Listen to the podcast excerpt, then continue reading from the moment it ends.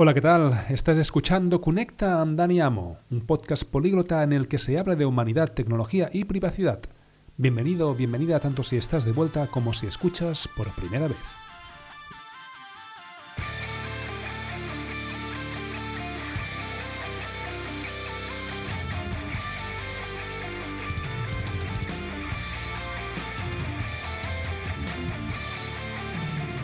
Después de dos episodios hablando de tecnología, creo que ha llegado el momento de hacer justicia al eslogan de este podcast, como es humanidad, tecnología y privacidad. Es que en el primer episodio hablé con Jordi Herrera sobre Bitcoin y blockchain y en un bonus track hablé yo mismo de blockchain y educación, así que ya va siendo hora de hablar o de humanidad o de privacidad.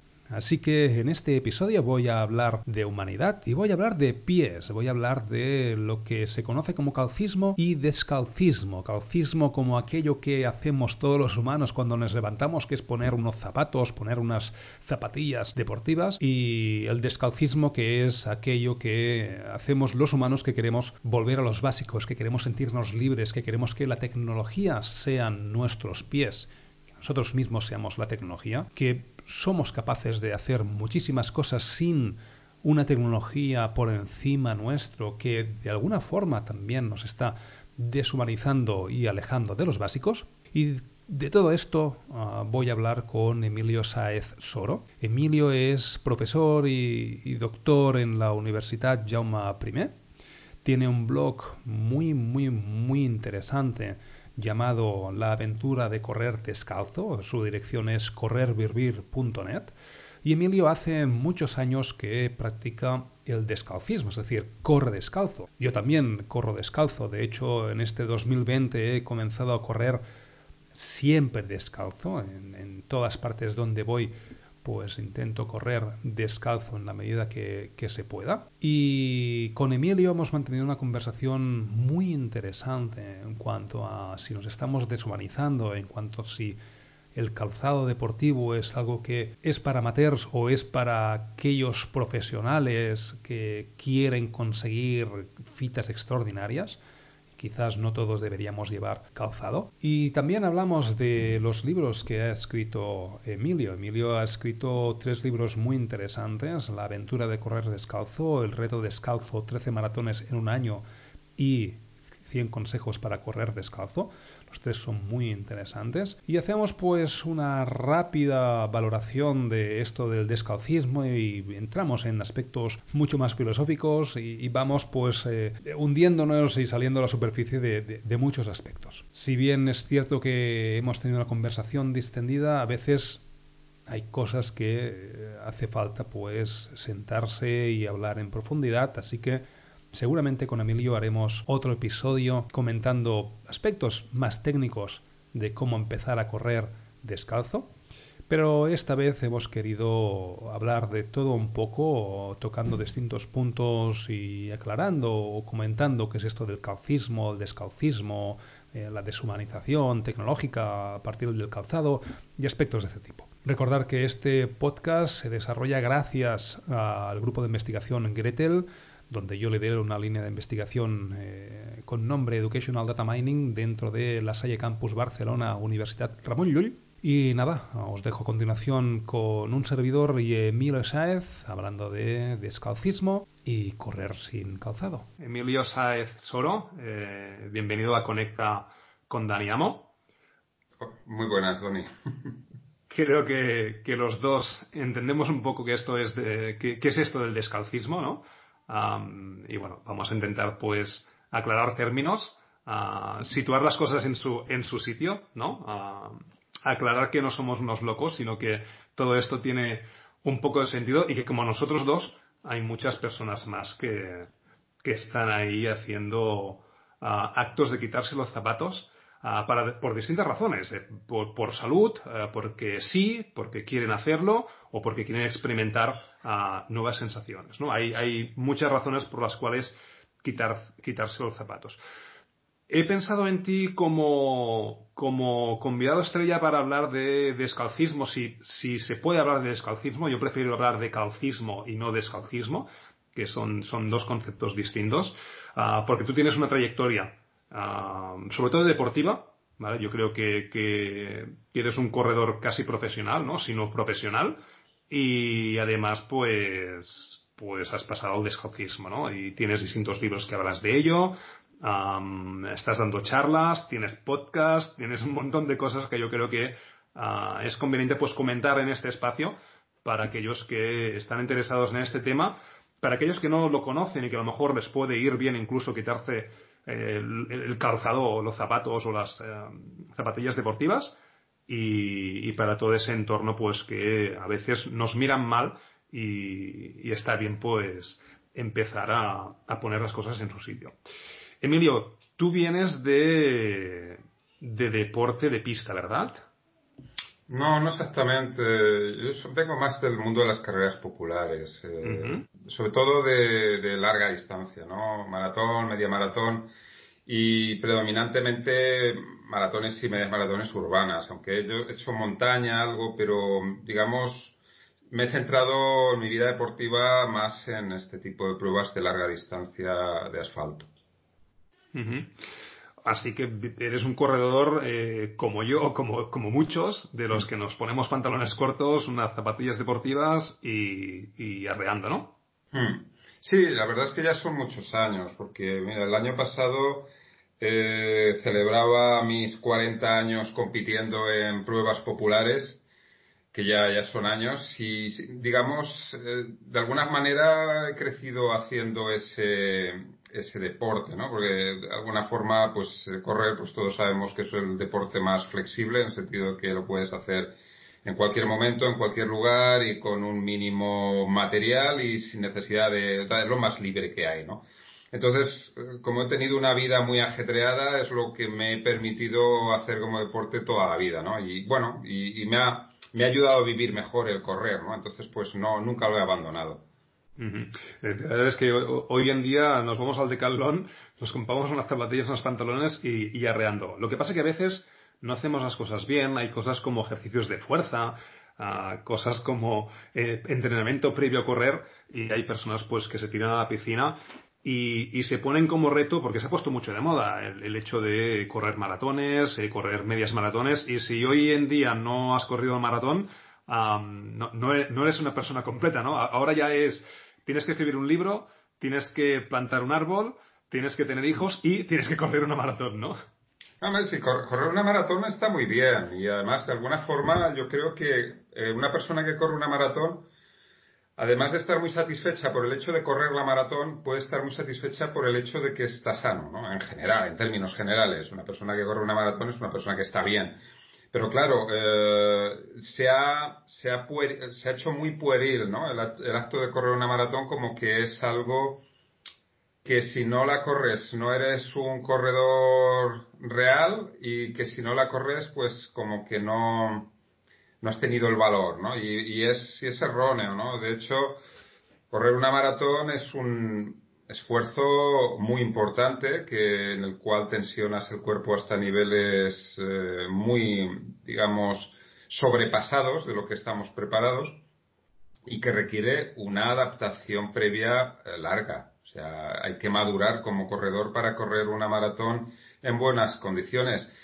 Cuando hace décadas, eh, cuando no había tantos corredores, correr una maratón era algo que estaba al alcance de muy pocos porque realmente Mm, la mayoría le teníamos un gran respeto. Yo, de hecho, tardé muchos años como corredor en, correr mi primera. Y ahora parece que si no corres eh, una maratón el primer año eres un mindundi, lo cual me parece un, un, gran error y que está creando pues problemas a la gente de lesiones y de frustración, etcétera. Sí, sí. Correr una maratón es un estado mental. Yo, yo de hecho hace mucho tiempo que hago que hago deporte, he corrido, he hecho triatlones, he hecho ultra trails, he hecho muchísimas cosas y, somos de esos que, empezamos desde, desde hace muy temprano, ¿no? De hecho, yo soy celíaco e incluso en temas de nutrición yo me he hecho mis propias barritas energéticas, mis propios eh, power geles y, esas sales que, que antes, es decir, conceptos como sales durante la carrera, conceptos como power geles, conceptos mm. como barritas energéticas, antes se usaba ah, de forma relativa, es decir, sabíamos que teníamos que tomar isotónica, pero esto es algo que se ha puesto bastante, bastante de moda, ¿no? Y es algo que mm, no se da mucha importancia, es decir, como, como corredores, y lo que yo estoy viendo es que es muy fácil ponerse a correr, es muy fácil hacer una maratón, pero todo esto requiere de un entrenamiento tanto físico como mental como dietético. Y esto es algo que poquitos y poquitas, o para generalizar, pocas personas están haciendo, ¿no? Eh, incluso hice pues una revisión de, de vídeos de YouTube, que es donde las personas normales y corrientes pues van a buscar esta información. Y aquellos vídeos donde dicen cómo empezar a correr, no hay ni uno que trate la nutrición, no hay ni uno que trate pues fuerza eh, o propiocepción antes de empezar a correr. empiezan con el tema este del caco, ¿no? El caminar y correr, caminar y correr, y luego en una semana ya puedes empezar a hacer tus kilómetros, ¿no? Pero hay, hay muchos factores que inciden y otro factor esencial es el mental. Eh, si no estás preparado mentalmente, es lo que dices tú, la frustración puede venir, eh, el muro de la maratón puede venir antes, eh, incluso en un 5K, forzar la máquina, no saber parar, no saber descansar. Correr es todo un mundo y, como todo es, eh, es, un arte donde poder profundizar, ¿no? Tus inicios que dices que fueron con, con zapatillas de correr, ¿te imaginabas que algún día llegarías a correr descalzo? No, nunca. Además, de hecho, yo también eh, era, como decirlo, víctima de las creencias, ¿no? Porque eh, al final el hecho de que uno llega a pensar que correr descalzo no es posible no se convierte en un razonamiento, se convierte en una creencia. En el sentido de que eh, no consideras que no tiene sentido correr descalzo. Y, y yo pensaba que eso no era posible. Lo que pasa es que, digamos, también un poco por una cuestión de personalidad, de, ser curioso y también pues eh, yo creo pues el hecho de, nuestro trabajo, de, la investigación, de ser, de querer experimentar, ¿no? Entonces me facilitó un poco el, el, que esa creencia se debilitase, ¿no? Pero de, de hecho cuando empecé a probar todo este mundo mi sentido del ridículo era enorme porque pensaba que estaba haciendo cosas absurdas y los, digamos, los límites mentales a dar ese paso son muy, muy fuertes porque mm, pensamos que no, que no tiene sentido hacerlo. Sí, mira, Emilio, tú eres ah, doctor, si no me equivoco, mm. eh, y estás ahora en la Universidad Jaume I estoy haciendo tareas de, bueno, eres profesor investigador en cuestiones de comunicación, ¿no? También creo que eres vicerrector de, de comunicación, ¿no? Ah, yo también. Fui, fui, fui vicedecano, ah. ahora ya, ya lo dejé hace poco el cargo. Tienes un peso menos. Ah, yo también eh, soy profesor de, de, la Salle, de hecho este podcast eh, sale de ahí. somos, somos inquietos por naturaleza. Y, entiendo que no tenemos límites en cuanto a, conocer cosas nuevas y nos replanteamos el, mundo. ¿eh? te expongo mi caso, luego expones el tuyo. Yo en mi caso también, también corro descalzo, de hecho corro descalzo por asfalto, por montaña, en, ambos sitios, porque tengo un pie con el puente muy alto. Es lo que los eh, fisioterapeutas o los eh, podólogos ah, llaman pie de piedra, entonces, cualquier zapato, cualquier zapatilla deportiva, cualquier calzado, me duele muchísimo la fascia, eh, tengo mm, problemas en, los metatarsos, ah, tengo unos pies no normales dentro de lo que es la ciencia tradicional, ¿no? Es decir, ah, lo normal es que yo estuviera llevando plantillas, lo normal es que yo estuviera llevando prótesis y hacerlo así día sí y, día también, ¿no? Entonces yo decidí dar el paso para solucionar mis problemas de pies y no depender de plantillas. Eh, en el sentido de que está muy bien que tengamos tecnología que nos puede de alguna forma ayudar, pero decidí dar el paso y, probar el quitarme el calzado para ver si iba bien. Evidentemente hice una transición. Eh, pasé primero por zapatillas eh, de drop cero, estas que son planas pero van un poquito amortiguadas. Luego pasé a zapatillas deportivas minimalistas, tipo marca Merrell o marca Altra cuando llevaba un poquito de, amortiguación. Luego salté las sandalias, esas guaraches modernas que, que nos han eh, mm. venido de, de, ese super libro ah, llamado Nacidos para Correr, que yo creo que soy el único que no se lo ha leído de, entero, no, no he podido ser capaz de, terminarlo. Incluso probé esto, las, las guaraches, estas zapatillas, y corrí durante mucho tiempo con ellas y hice algunas ultra trails. Y al final pues decidí dar el paso y ahora estoy corriendo ah, descalzo, de la misma forma que mis hijas ah, andan descalzas por, por casa. Es decir, cuando nos sentimos libres, cuando nos sentimos humanos, cualquier guante en los pies pues nos molesta, ¿no? Así que hice esa, esa reflexión, hice, hice ese paso y soy el hombre más contento del mundo. Es decir, ahora cuando llevo zapatos es cuando tengo molestias. Es lo que dices tú, al final vas descalzo por la calle y eres como el bicho raro. Eso ya, cuando, cuando cumples 40 años, esas cosas ya te importan menos, ¿no?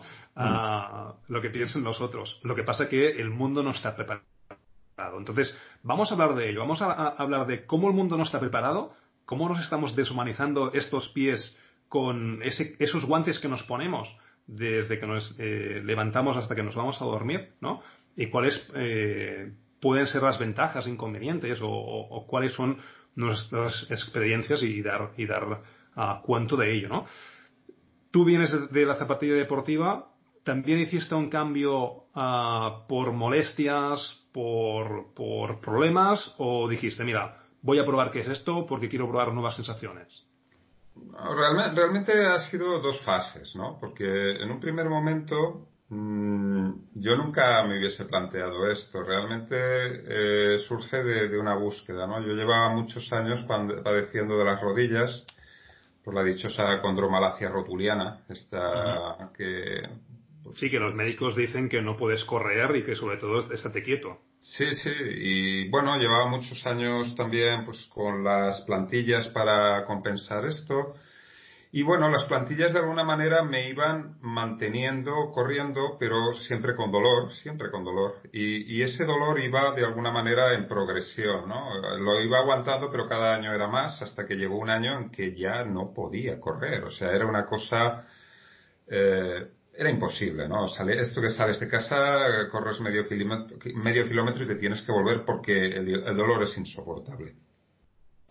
Entonces, eh, claro, aquí eh, se confronta una situación muy dolorosa, ¿no? No solo por el dolor en sí, sino por la situación que estás viviendo, porque te sientes eh, que estás mal hecho, porque ¿qué es lo que te dicen los médicos? Al menos lo que te decían. Ahora ya empieza un poco a penetrar este tema y ya se empieza a mirar de otra manera, pero en aquel momento estamos hablando pues de 2000, 2010, 2011.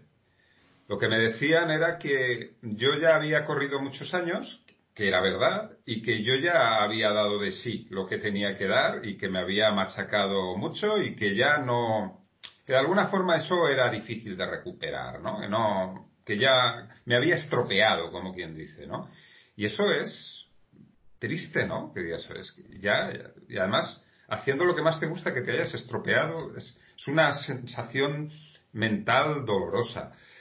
Entonces, eh, como lo que eran pues los podólogos deportivos, los traumatólogos y tal, no me daban soluciones, al menos soluciones satisfactorias, pues ya empiezas a investigar y empiezas a buscar y empiezas a consultar. Y entonces pues te encuentras que hay gente que estaba igual que tú y que a través del minimalismo, en el, primer momento fue el minimalismo más que el descalcismo, pues empiezan a solucionar sus problemas, ¿no? Y entonces dices, bueno, de perdidos al río, ¿no? En el sentido de decir, no tengo nada que perder porque ya no podía correr. O sea, es que dices, ya no puedo correr, pues voy a probar cosas nuevas.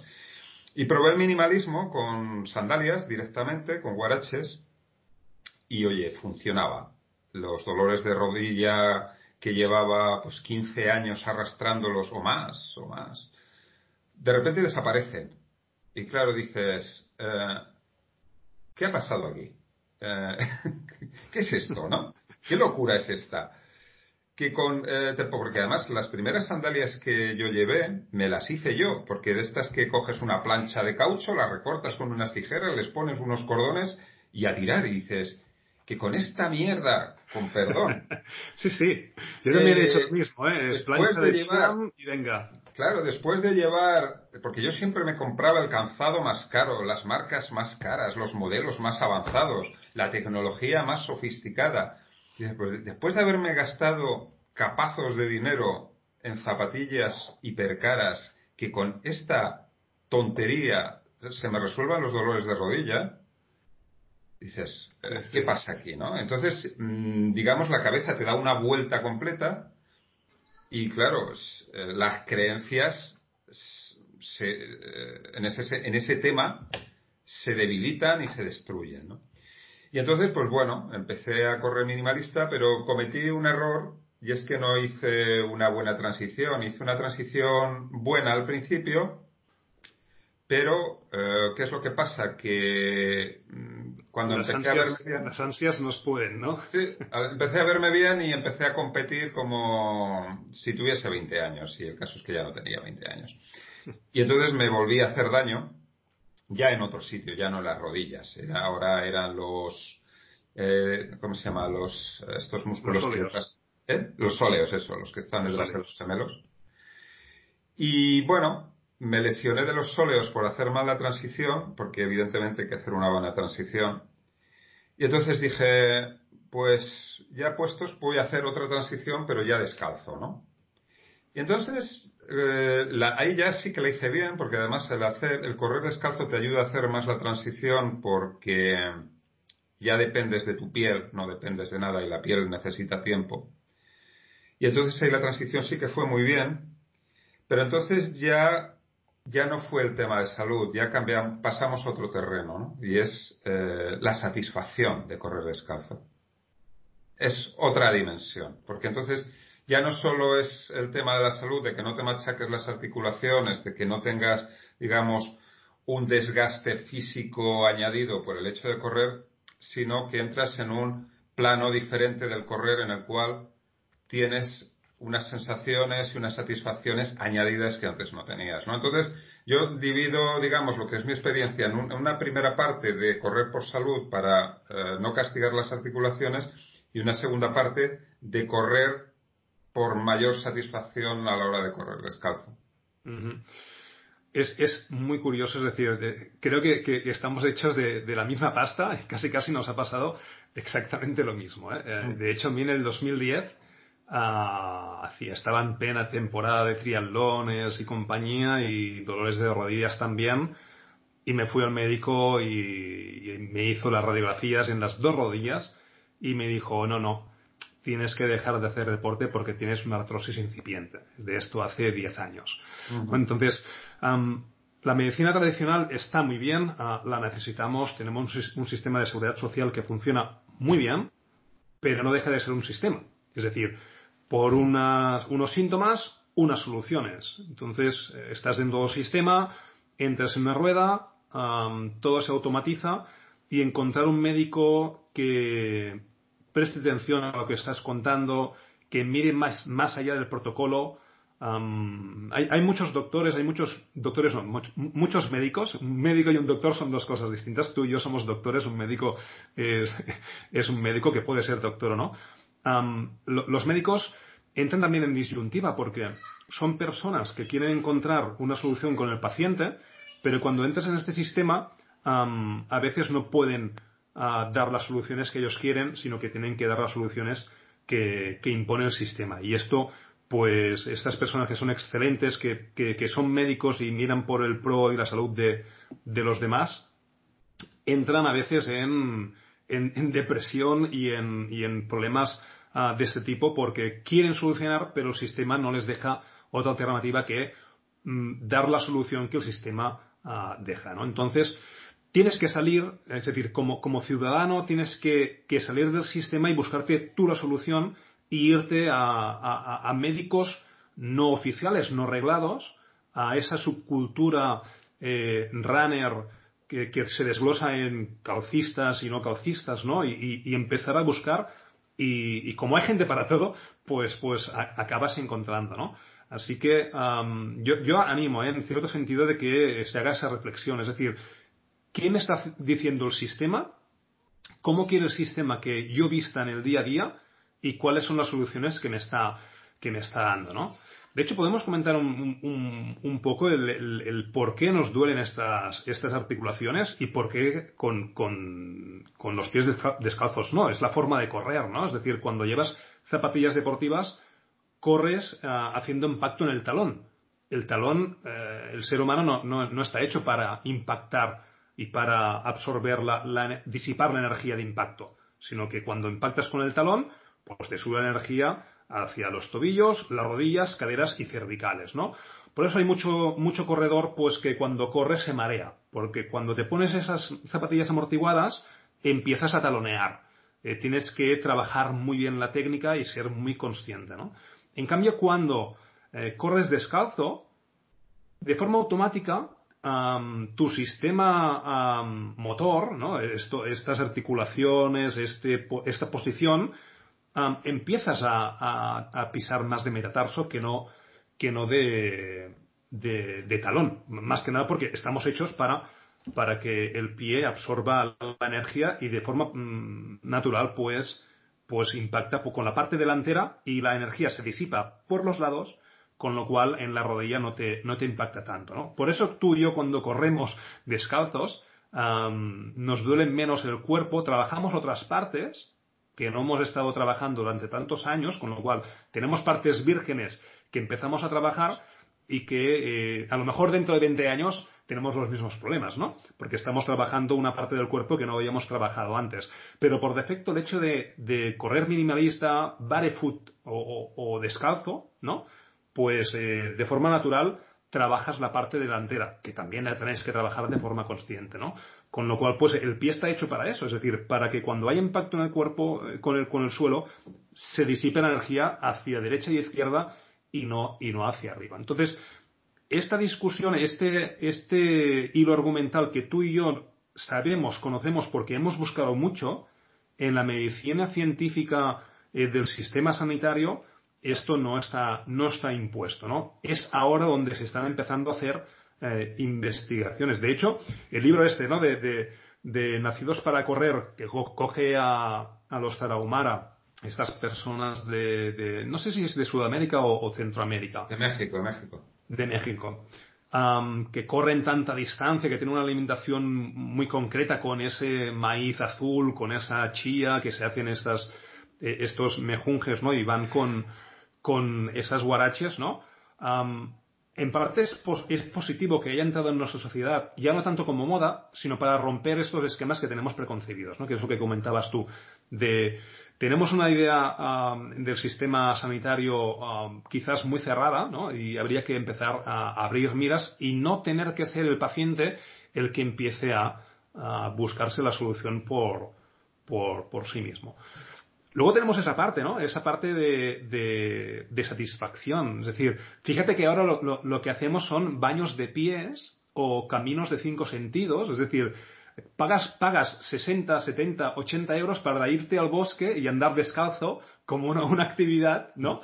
Para, para, para, activar tus sentidos, ¿no? Cuando hacemos mindfulness o sesiones de yoga, lo primero que hacemos es sacarnos los, los zapatos y el calzado para sentir más, ¿no? Entonces, ¿Tú crees que, nos estamos de alguna forma deshumanizando? Es decir, la tecnología de los zapatos, del calzado en sí, yo creo que está muy bien para lo que puede servir, ¿no? Es decir, si tú te vas a escalar el, Everest, evidentemente ponte un, calzado o vas a sufrir ah, duramente, pero para el día a día, es decir, ¿estamos usando una tecnología que nos deshumaniza? Es que tú fíjate eh, en otras sociedades que no son precisamente primitivas, como en Nueva Zelanda o en Australia, la gente va por las ciudades descalzo. Pero por eso te digo que es una cuestión de creencias, ¿no? que, ya, que va más allá de cuestiones racionales, se convierte casi en algo religioso, ¿no? que luego se potencia por otros temas, porque evidentemente hay toda una industria a la que la creencia de que necesitamos ir calzados pues les interesa, le interesa la industria del calzado, ya sea deportivo, ya sea de, calle, y le interesa pues en el, en el mundo médico a toda la, industria de la ortopedia, porque aquí hay una cuestión sencilla. Yo no soy ludita, ¿vale? Yo soy, yo soy muy de gadgets, muy de tecnología, pero me gusta la tecnología que me potencia como ser humano, que hace que yo pueda hacer más cosas y mejor que por mí mismo. Pero eh, al final lo que, lo que después de todos estos años lo que uno se da cuenta es de que en hay algunos aspectos en que Mm, hay tecnologías que en vez de potenciarnos nos restan. Aunque nos vendan la idea de que nos potencian. Y en cierto modo pueden potenciar algunas cosas. Por ejemplo, eh, en el tema del calzado, a la hora de correr, es obvio que si tú vas a correr eh, por una superficie muy agresiva, el que lleves un calzado que te proteja el pie eh, te va a permitir desplazarte mejor. ¿vale? Otra cosa es cómo tiene que ser ese calzado, qué le hace falta a ese calzado para eh, potenciarte y no restarte.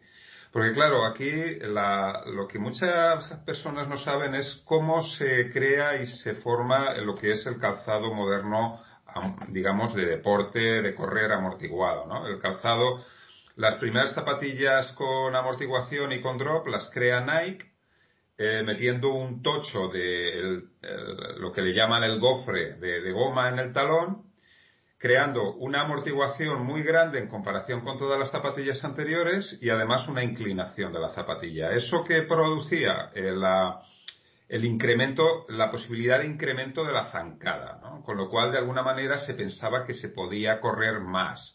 En cierto modo, el, primer resultado es que sí que de alguna manera puedes correr más rápido, parece que puedes correr más rápido porque no siempre es así, pero ¿a qué coste? Al coste de romperte. Porque como tú decías, la, amortiguación natural, nosotros, claro, eh, la gente dice, pero así, si corres descalzo o corres con sandalias, no tienes amortiguación. Pero cuando tú les explicas, les enseñas el arco del pie, el que sin amortiguación eh, tú caes con la rodilla flexionada y no con la rodilla rígida. O sea, sumas al arco del pie la flexión de la rodilla y la flexión de la cadera. Tienes tres muelles. ¿Qué es lo que pasa cuando corres amortiguado y, talonando? Primero, el pie no funciona como amortiguador, el arco del pie no funciona. La rodilla mm, impacta de forma rígida, con lo cual tampoco está flexionando. Y la cadera también sufre el golpe. Con lo cual, estás cargando toda la amortiguación en un elemento artificial que por ello te está machacando las tres articulaciones normales y te está lesionando. Entonces, cuando tú usas una tecnología que eh, aparentemente hace que funciones mejor, pero realmente lo que te está rompiendo es te está deshumanizando, porque te está, digamos, eliminando tus mm, dotes naturales sin darte mucho más a cambio y te está rompiendo. Entonces, a mí me parece eso deshumanizador. Luego hay otras tecnologías en este mundo que también pues están ligadas al confort, etcétera, que también nos están de alguna manera eh, limitando, ¿no? Y de hecho, el ser humano, uno de los peores digamos, una de las peores cargas que tiene en estos momentos es el sedentarismo. Y ya no hablamos de correr, sino de movernos en general, ¿no? Entonces, una persona que eh, sea muy sedentaria acaba degenerando físicamente, acaba teniendo enfermedades cardiovasculares, acaba teniendo depresión, acaba teniendo eh, problemas de, bueno, físicos de todo tipo, y sin embargo, eh, no dejamos de generar tecnología Mm, que nos empuja al sedentarismo, a estar más tiempo parados, etcétera, etcétera. Entonces, yo ahí dividiría un poco todo lo que es el desarrollo tecnológico entre aquello que nos potencia y aquello que nos disminuye, ¿no? Y separaría un poco bien lo que son esas cosas, ¿no? Sí, de, hecho, ah, yo siempre hago la misma pregunta. Ah, ¿Tú te pondrías unos guantes ah, en las manos desde que te levantas hasta que te vas a dormir? La respuesta automática de todas las personas que le he hecho esta pregunta es no, por supuesto que no. ¡Qué barbaridad! Entonces, automáticamente les lanzo la siguiente pregunta, ¿no? ¿Y por qué lo haces en tus pies? ¿No? creo que estamos en, un mundo hecho para, para vehículos, hecho para coches, con lo cual, cuando estás en tu casa, la mayoría de las personas que conozco van o descalzas o con calcetines, porque se está mucho más cómodo.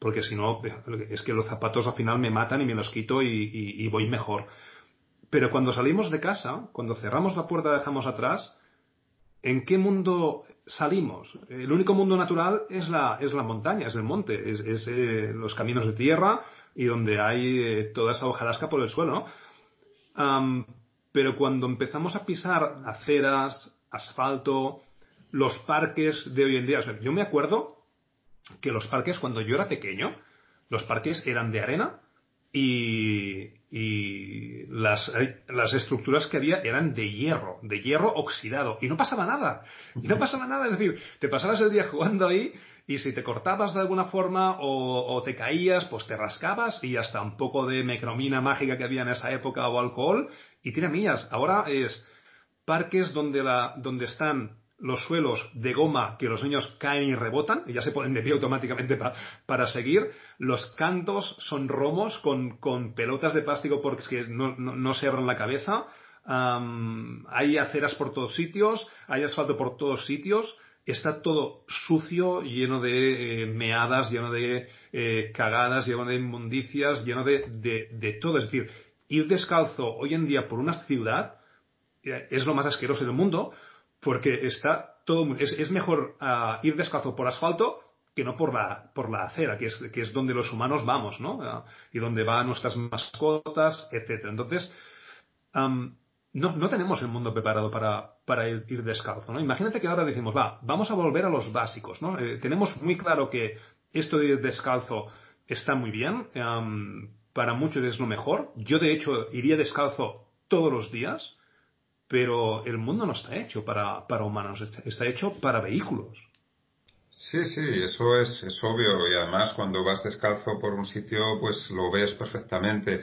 Además es que eh, si, si la gente fuese más descalza, los que hacen, si los urbanistas, los arquitectos, la gente que, que diseña las aceras, los eh, sitios por donde andamos, fuesen descalzos las harían totalmente diferente. Por ejemplo, tú sabes que hay aceras que son eh, auténticos suplicios porque tienen dibujos geométricos con cantos afilados que ir por ahí descalzo es todo es toda una epopeya, ¿no? Y luego pues la cantidad de, de rejillas eh, metálicas afiladas que hay, etcétera, etcétera.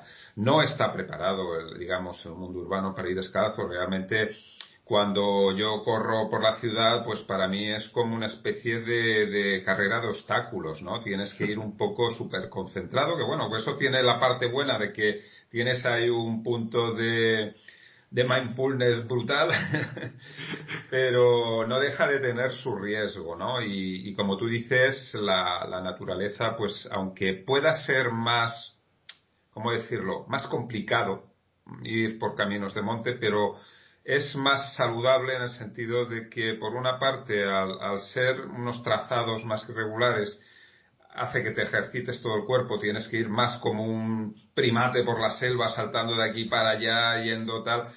Y, sin embargo, pues hay menos suciedad, hay menos elementos eh, agresivos que no sea pues algún cardo o alguna piedra un poco más puntiaguda, ¿no?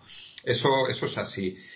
Pero es, es eso, yo no sé, tengo curiosidad, lo que pasa es que está tan lejos que no sé si algún día lo conseguiré, de ir a, Australia o a Nueva Zelanda, que allí pues la gente va mucho descalza por la calle, y ver si realmente hay una diferencia, ¿no? Con nuestras ciudades en cuanto a, a cómo se plantea ese urbanismo de cara a personas que van descalzas, ¿no? Cómo son las aceras, cómo son, pues, los distintos elementos por los que anda la gente, ¿no? Tengo curiosidad. Tiene que ser interesante. ¿eh? De hecho, he, escuchado distintos podcasts donde hay personas que se imaginan un, nuevo mundo. Eh, nadie, nadie, nadie comenta cómo cambiar el suelo. Y es, y es curioso. ¿eh? Tenemos esa, esa mentalidad de que hay que, llevar calzado. De hecho, sobre no calzado hablas mucho en tus libros. Ah, has escrito, de hecho, creo que tengo el punto de mira 3. En el 2013 ah, me escribiste El reto descalzo, ¿no? A 13 maratones en un año. el 2014 la aventura de correr descalzo y en el 2017 100 consejos para correr descalzo. Yo me he leído este, el de 100 consejos para correr descalzo. Eh, me gustó muchísimo. De hecho, ahí expones que escribiste este libro, el de 100 consejos para correr descalzo, mientras corrías el camino del fauno, 940 kilómetros en 36 etapas descalzo. Es una barbaridad. O sea, alguien diría, pero esto es eh, imposible, ¿no? ¿Cómo vas a correr descalzo y además 940 kilómetros en 36 días? Esto estamos hablando de una media, más de una media maratón al día. Sí, eran unos 26 kilómetros de media. Algunos días más, otros menos, según el trazado, ¿no? Pero además es que ese, ese, o sea, fue el trazado de salir de Castellón hasta La Coruña. Y bueno, la, la idea era esa, es decir, podemos cruzar España de punta a punta descalzos sin mayor complicación. ¿Por qué? Pues porque estamos naturalmente preparados para, para ello, ¿no? El ser humano en, hubo una etapa larguísima de su existencia que era nómada y fisiológicamente no era muy distinto a cómo somos ahora.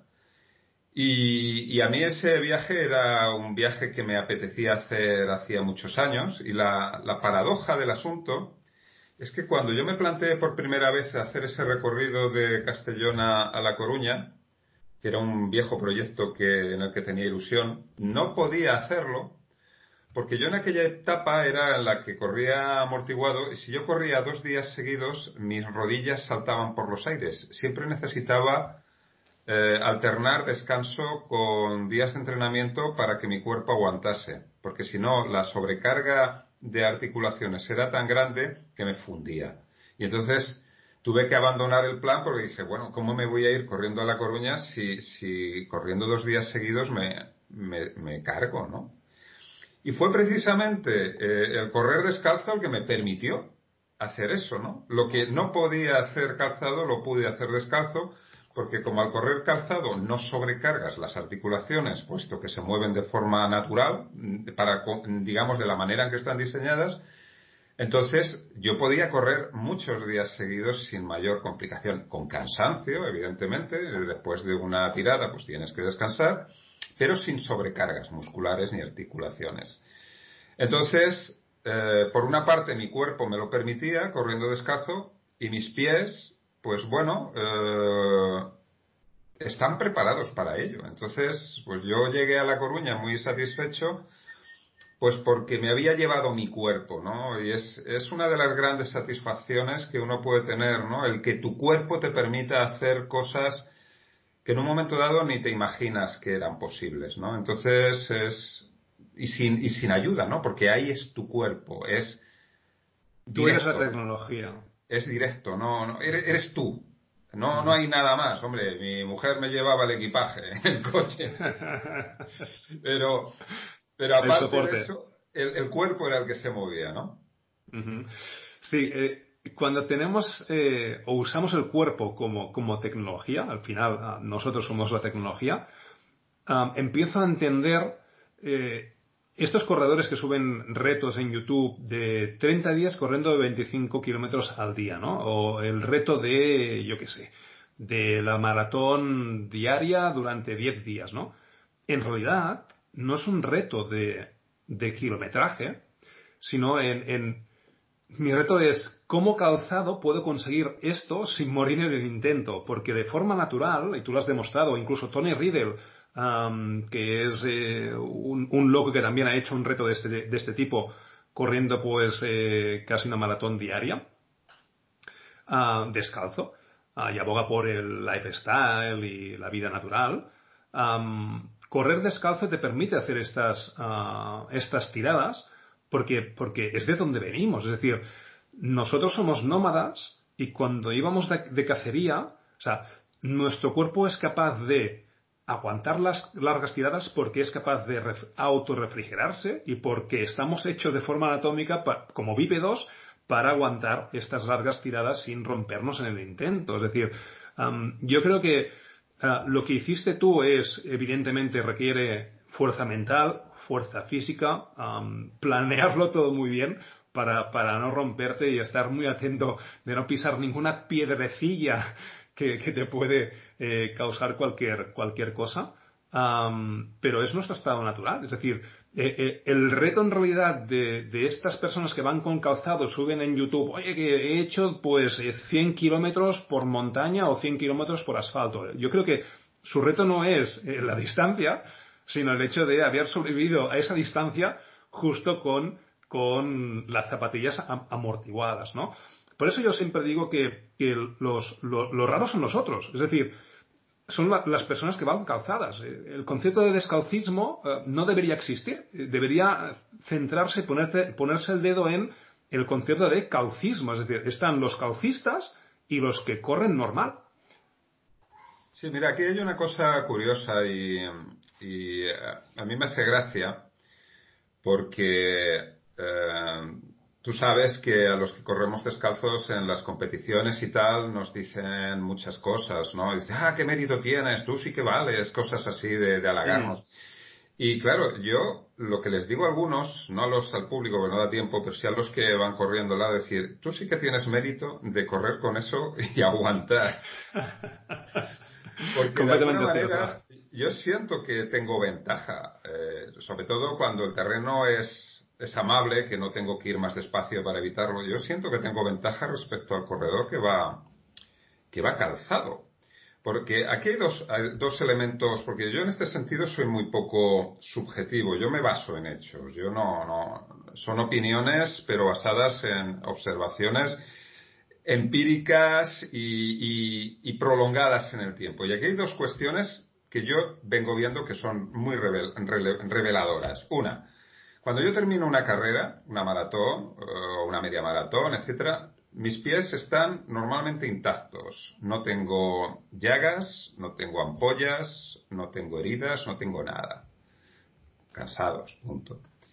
muchísima gente, sobre todo en las maratones, cuando termina la maratón se quita las zapatillas y tiene ampollas, uñas descarnadas, heridas, sangre, o sea, hay mucha gente que tiene muchos problemas en los pies, mucha, mucha gente cuando se quitan las zapatillas. Eso por un lado. Y eso lo vengo observando todos estos años que ya son casi corriendo maratones. La otra, eh, la otra, eh, digamos, el otro pilar de mis observaciones, y esta ya es más personal. Eh, yo he tenido un mayor rendimiento deportivo corriendo descalzo que corriendo con zapatillas hecho mis mejores tiempos. Después de llevar muchos años corriendo y ser, pues yo he sido competitivo, me ha gustado competir siempre a nivel popular, pero competir. Eh, hace un par de años que estaba, digamos, en un, con una actitud más competitiva, mejoré eh, mi mejor tiempo en maratón, mi mejor tiempo en 10.000 y, y en, en media no por distintas circunstancias. Pero que con 50, entonces tenía 52, 53 años, 53 años. Con 53 años mejoré mis tiempos de competición de cuando tenía 20 largos o 30 y pocos. Es, en todo caso es llamativo, ¿no? y aquí hay una cuestión muy sencilla de entender, que cuando yo eh, tenía 30 y pocos años o 20 largos años, no es que fuese menos fuerte de lo que soy ahora. Es que cuando llegaba a mi mejor nivel competitivo, me lesionaba. Y entonces no podía seguir progresando. Llegaba a un nivel de, cierta intensidad y me lesionaba. Y se acababa la competición y era empezar de nuevo. Ahora, ¿qué es lo que pasa? Digamos, es una curva. Pues yo, evidentemente, con cincuenta y tantos años no tengo el rendimiento físico que tenía con 20 o 30 años menos, pero como no me lesiono, no hay un momento en el que se rompa la progresión física, aunque la progresión física es lenta, porque con mi edad pues es más difícil, pero sigo progresando, sigo mejorando y no me lesiono. Entonces he llegado a mejorar tiempos que antes no había hecho, sencillamente por el hecho de no romperme corriendo descalzo, lo cual pues también es revelador. También es revelador. es, un cambio mental. Yo, creo que el, el efecto de cuando empiezas a, andar descalzo, esas y, es, una, es un sentimiento común en todos los runners, ¿no? En todo este mundo de, corredores, ¿no?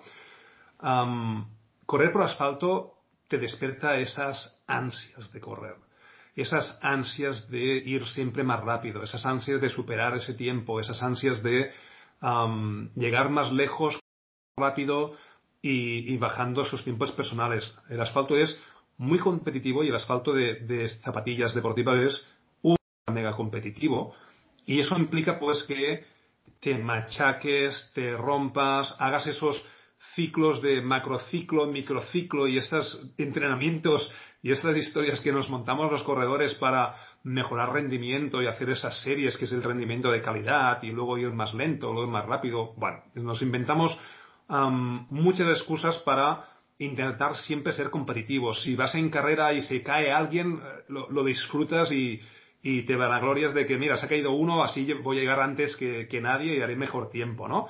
hay, hay, una cultura que si la, miramos es bastante chunga.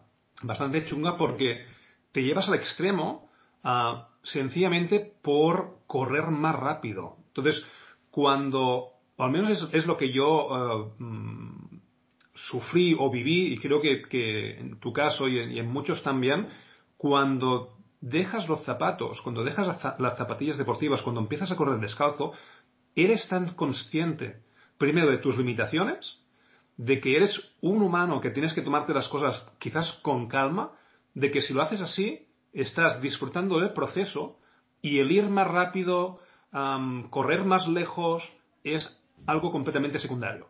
Y cuando te quitas esos, ese lastre, esos guantes, te das cuenta de, lo que mola correr, lo chulo que es, las sensaciones que te despierta y que si eres consciente, porque tienes que serlo, porque si no puedes pisar una piedra, pisar unos, unos zarzales, eh, tropezar con algo, e, eres tan, tan consciente del proceso que al final vivir el proceso y yo creo que es lo satisfactorio, lo que te hace feliz en, esos momentos, ¿no? Es decir, lo que realmente vale la pena. Yo, esas ansias de tengo que correr más rápido, tengo que correr más lejos. De hecho, tenía un canal de YouTube, estaba por ahí colgado, ¿no? Donde, donde hacía también esas locuras de entrenar mucho y, comentar, pues, eh, qué carrera estoy haciendo y, qué zapatilla estoy usando, ¿no? En el momento que me he quitado el calzado deportivo, mi mentalidad ha cambiado completamente. Estoy disfrutando del correr, estoy disfrutando del deporte y esa competición que también está, pero es secundaria. Es secundaria porque el proceso de comprenderte cómo eres tú, cómo te estás moviendo, qué es lo que te puede doler, qué es lo que estás sintiendo, qué es todo eso ah, se despierta cuando estás en contacto ah, y tocando el suelo. De otra forma, yo cuando corría con sandalias, cuando corría, mi mentalidad no era estoy pisando suelo, sino que estoy pisando zapatilla. Entonces, cuando entendí que yo estaba pisando zapatilla, no estaba pisando el suelo, dejé de empezar a, tropezarme con las zapatillas, dejé de, hacer una serie de cosas, porque en realidad cuando te pones unos guantes en los pies, no pisas suelo. Estás pisando eh, el, guante que llevas en, en, el pie, que te está recubriendo, ¿no? Con lo cual, el cambio psicológico es, completamente distinto. Correr por montaña sí que es cierto que, es, complejo, ¿no? Porque, tienes, que ir, que, tienes que ir danzando, ¿no? Tienes que ir viendo por dónde pisas y, puede ser, eh, si vas como loco, pues, pues contraproducente, ¿no? Pero no sé si tú también has sentido esa, sensación de voy menos estresado corriendo, yendo descalzo, que con zapatillas y soy menos me abogo menos a, empujarme a hacer esos mejores tiempos, a machacarme tanto, sino disfrutar del proceso y disfrutar del momento, ¿no? Bueno, yo aquí eh, coincido contigo, lo que pasa es que son, digamos, momentos también diferentes, ¿no?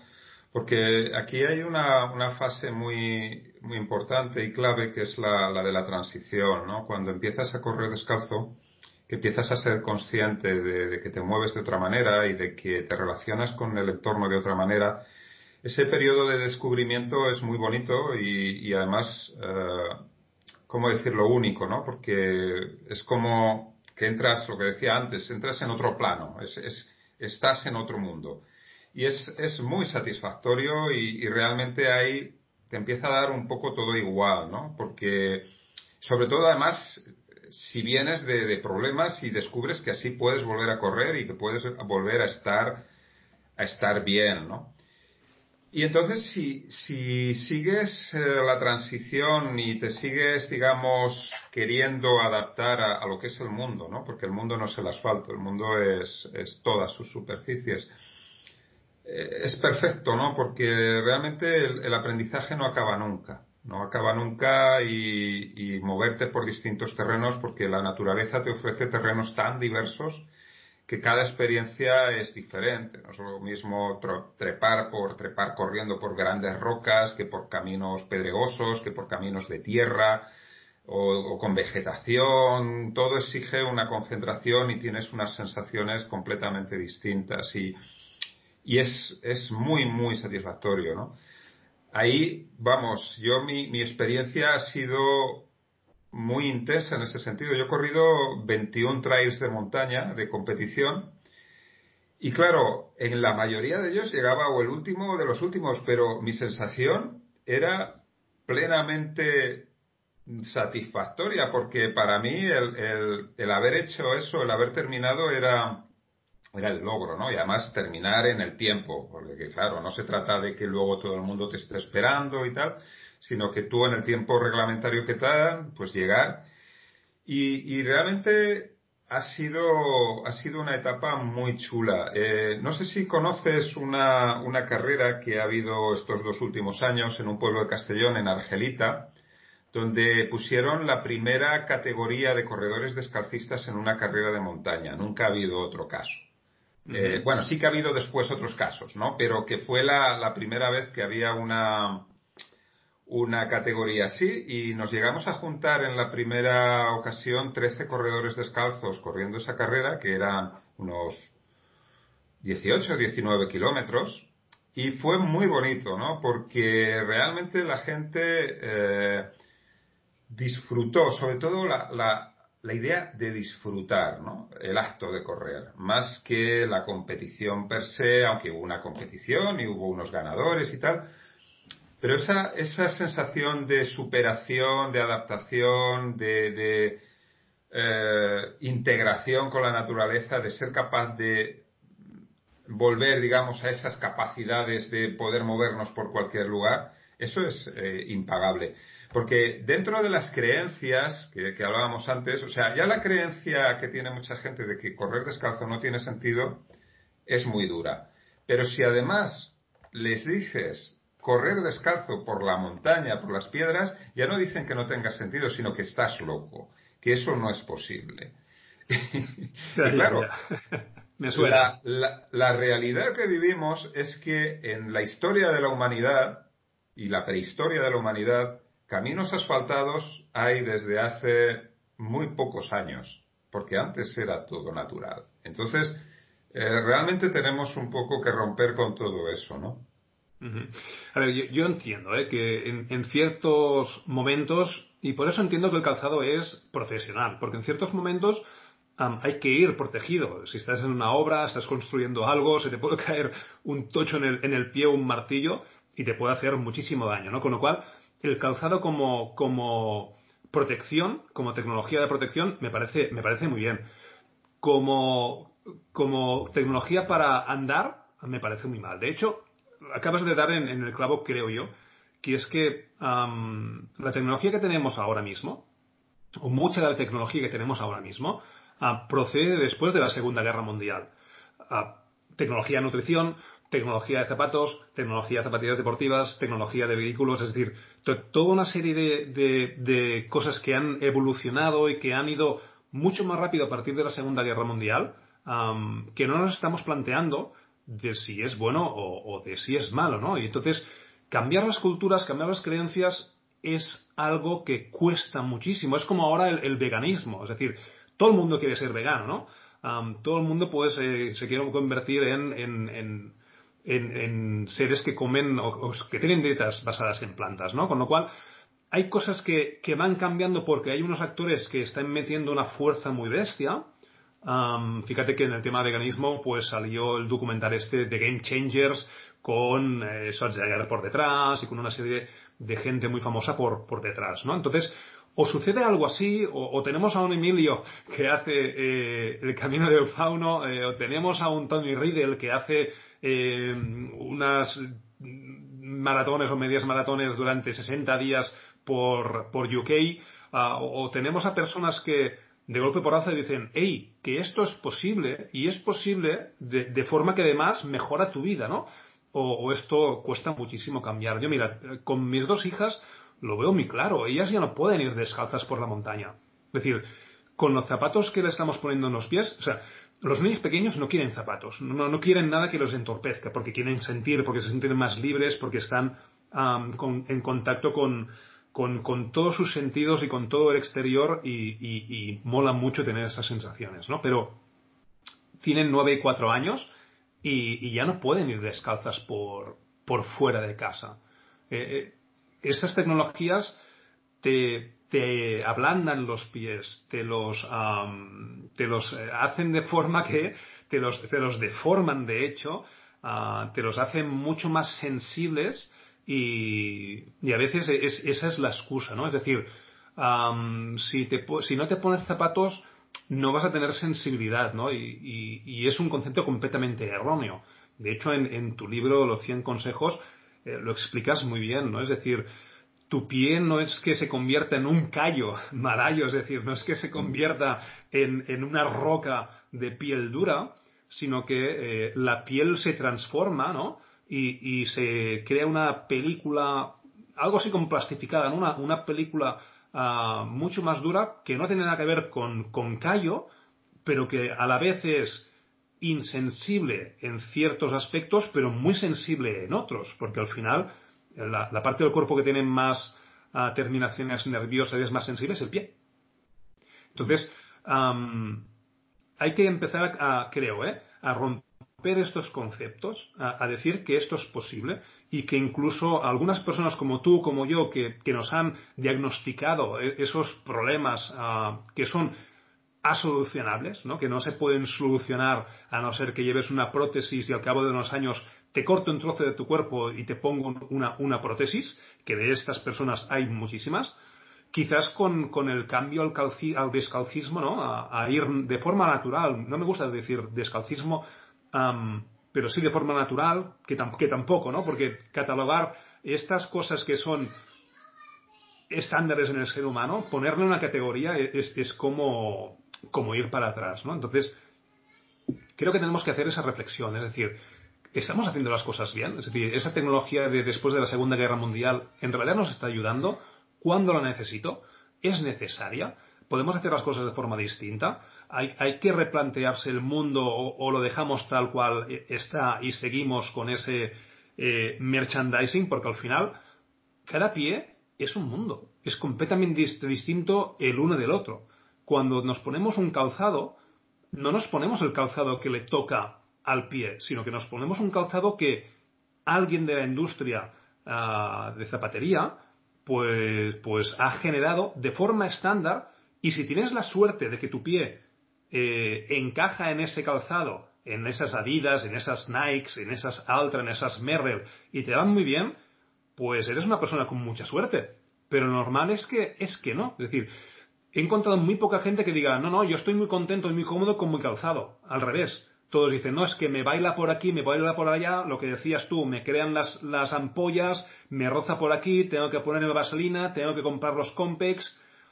si, si tan mal nos van estos, estos zapatos, ¿no? ¿Por qué los utilizamos, ¿no? Y, y no empezamos a hacer las cosas de forma distinta. Bueno, pero ahí ya sabes que hay cuestiones que son, que van más allá de la, digamos, de la utilidad directa, ¿no? Muchas cosas las hacemos sencillamente por por ser aceptados en nuestro entorno. De hecho, eh, y esto sí que es una cosa que, que observo desde y que todos comentamos, una de las mayores, ¿cómo decirlo?, barreras para que la gente empiece a correr descalza no es que no tengan ganas o no lo vean interesante, sino es el sentido del ridículo y el sentido de la vergüenza eh, colectiva, ¿no? De, de qué pensará mis vecinos, de qué pensará mi familia, de qué pensará mis amigos. Y hay mucha gente que no da el paso por esa, por esa sensación de que van a tener un rechazo, va a haber un rechazo social, ¿no? Y, y esa es una, una barrera, ¿no? Y luego, las creencias, en el sentido de decir, es que esto es lo que toca y además es que eso está muy reforzado por todo el marketing eh, pues alrededor del mundo deportivo y también pues eh, por voces que de alguna forma nosotros y de forma natural pues hemos eh, legitimado pues es que son las de los médicos. Si tú vas a un médico de relacionado a medicina deportiva y, lo que te dice es que unas zapatillas son mejores cuanta más amortiguación tienen. Y lo dicen no porque lo hayan investigado, ni, sino porque lo creen, es que es una creencia, ¿no? Entonces, muchas veces estas creencias hacen que pasemos por encima de las cosas que nos...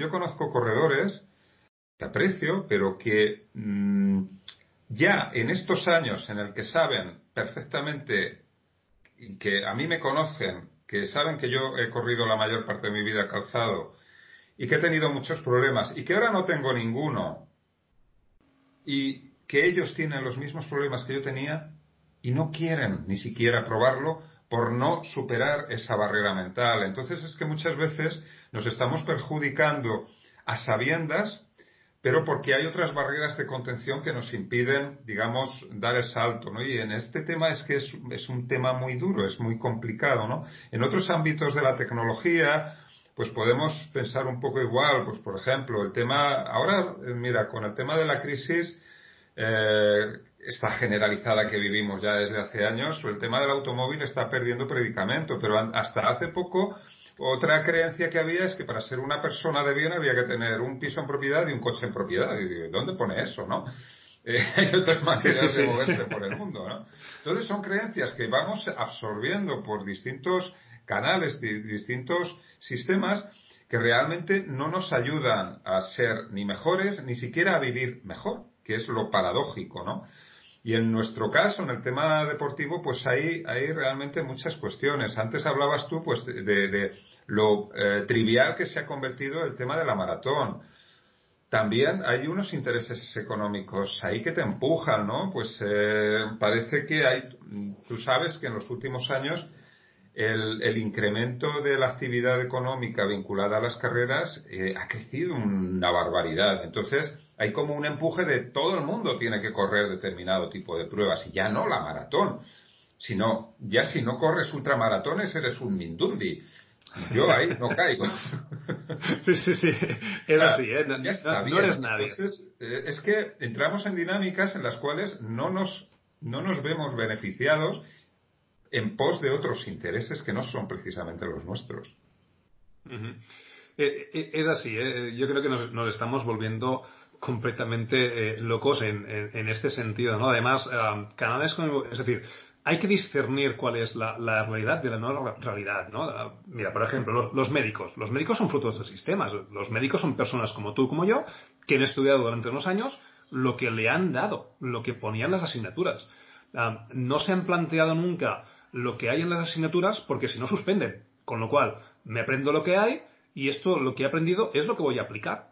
Es complejo salir del, círculo. Yo creo que eso de pertenecer a la tribu está en, todos los contextos, ¿no? si dejo de correr descalzo, ah, implicará que salgo de la tribu. Pero también implica un gran esfuerzo. Es decir, yo entender qué significa ir descalzo me ha significado leer muchos artículos de investigación, mirar documentales teniendo en cuenta que soy consciente que están absolutamente sesgados y que no son parciales. entrevistarme con personas, hablar con gente, ver que no soy un espécimen raro, sino que hay muchas personas que tienen el mismo problema, que quieren salir de este sistema, ¿no? Y, que, y que puedes encontrar tu propia tribu al final todos somos seres humanos y tenemos y, fallamos de lo mismo. Eh, tenemos las mismas inquietudes, eh, tenemos eh, el mismo ah, padecer, porque la estructura ósea, la estructura muscular es la misma, con lo cual lo más probable es que, como tú, hayan 2.000 personas. Salir de una tribu y encontrar otra es que es muy fácil. Además, hoy en día que tienes redes sociales, que tienes Facebook, Twitter, Instagram, solamente que pongas descalcismo, bueno, es que te salen un montón. Yo en WhatsApp estoy con peñas de descalcismo de Barcelona, de Badalona, encuentras eh, negocios incluso, ¿no? Eh, relacionados con, con el descalcismo. Hay, hay un montón de, de, de tribus que hacen lo mismo, ¿no? Pero es un esfuerzo y a veces la comodidad que nos da el hecho de me pongo un calcetín, me pongo un zapato y venga a correr o a andar, es algo que, tienes que romper entender y preocuparte y ponerte en ello durante al menos un par de meses antes de empezar a hacer cualquier cosa. Y esto, quizás tú y yo, que somos investigadores, que estamos más dados a hacer estas cosas mm. y que además nos mola, a alguien que diga, wow, ostras, qué rollo el hecho ahora de cojo esto, tengo que salir de aquí, tengo que mirar, tengo que empezar de nuevo. El coste beneficio a veces es más alto el coste que el beneficio en sí porque no se ve el beneficio. Es decir, e, es un coste prueba piloto. Es decir, voy a probar de quitarme eh, el calzado, ¿no? Con lo cual, si, ¿qué pasa si el coste es superior de lo que voy a investigar? Con lo cual, la comodidad pues nos frena en este sentido, ¿no? ¿Tú vas descalzo en el día a día? No, no voy descalzo en casa, pero, por ejemplo, puedo salir en un momento dado, yo que sea, a dar un paseíto, pero en el día a día no, por una cuestión muy simple, porque como hablábamos antes, la sociedad no está preparada. Me pasa igual. ¿eh? Eh, yo podría ir perfectamente, estaría feliz, pero si yo voy, por ejemplo, a dar mis clases descalzo, eh, ya va a ser un acontecimiento. Y yo no tengo ganas de ser un acontecimiento. Exacto, exacto, tengo la misma sensación. Y mira que yo he preguntado, ¿eh? ¿Cuáles son las normas? Y miras el reglamento de, de, conducción, miras el reglamento de universidad, miras las leyes y no hay en ningún sitio que diga que no puedes ir descalzo a no ser que necesite una protección porque estás en un contexto donde, donde necesitas calzado de, protección, ¿no? Con lo cual, no hay ninguna ley que prohíba ir descalzo. Podemos ir descalzos por el mundo, pero es lo que dices tú, es decir, ya está el tío raro de turno, la persona rara de turno, haciendo el numerito y, venga, ¿no? Ah, vamos a, ver qué, está haciendo y, y, cómo viene, ¿no? Yo tengo un truco, Emilio. Estoy lanzando una investigación para ver cómo es, eh, cómo, cómo, es el nivel de, confort en el aula cuando vas descalzo. Con lo cual ya tengo la excusa para, para ir descalzo en la universidad sin ser el tío raro, ¿no? Sin ser ese, ese acontecimiento, ¿no? Estoy ahí trabajando, pero nos tenemos que buscar estos refugios, ¿no? Para, para darle la vuelta, ¿no? y yo creo que hay que empezar a cambiar las cosas. Hombre, yo, yo hago algo que ya resulta bastante rayante, ¿no? Eh, para muchos. Yo voy en, en guaraches, en sandalias, todo el año. En invierno, llueva, truene, lo que sea, pero también en Castellón no tenemos el frío extremo que puede haber en otras partes de, de, España, ¿no? Entonces, eh, pero eso ya le resulta muy chocante a la gente.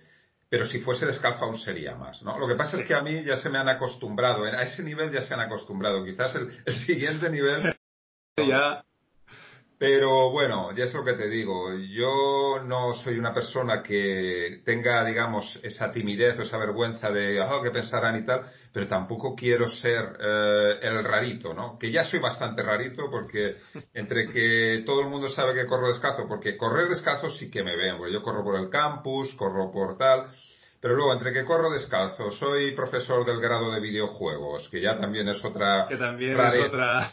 propia, ¿no? Entonces, yo ya, como friki ya me tienen, pero ya no quiero, digamos, rebasar más niveles, ¿no?